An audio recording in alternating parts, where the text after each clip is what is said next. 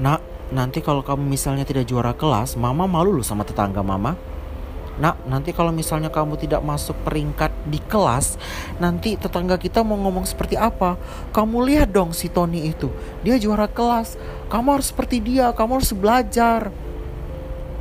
Stop deh menjadi orang tua yang selalu ngebanding-bandingin anak Anda dengan anak orang lain. Anak Anda tidak sama kemampuannya dengan anak orang lain. Kalau anak Anda tidak suka berhitung, jangan maksa dia untuk belajar matematika. Kalau anak Anda tidak suka belajar kesenian, jangan paksa dia untuk bernyanyi. Ya.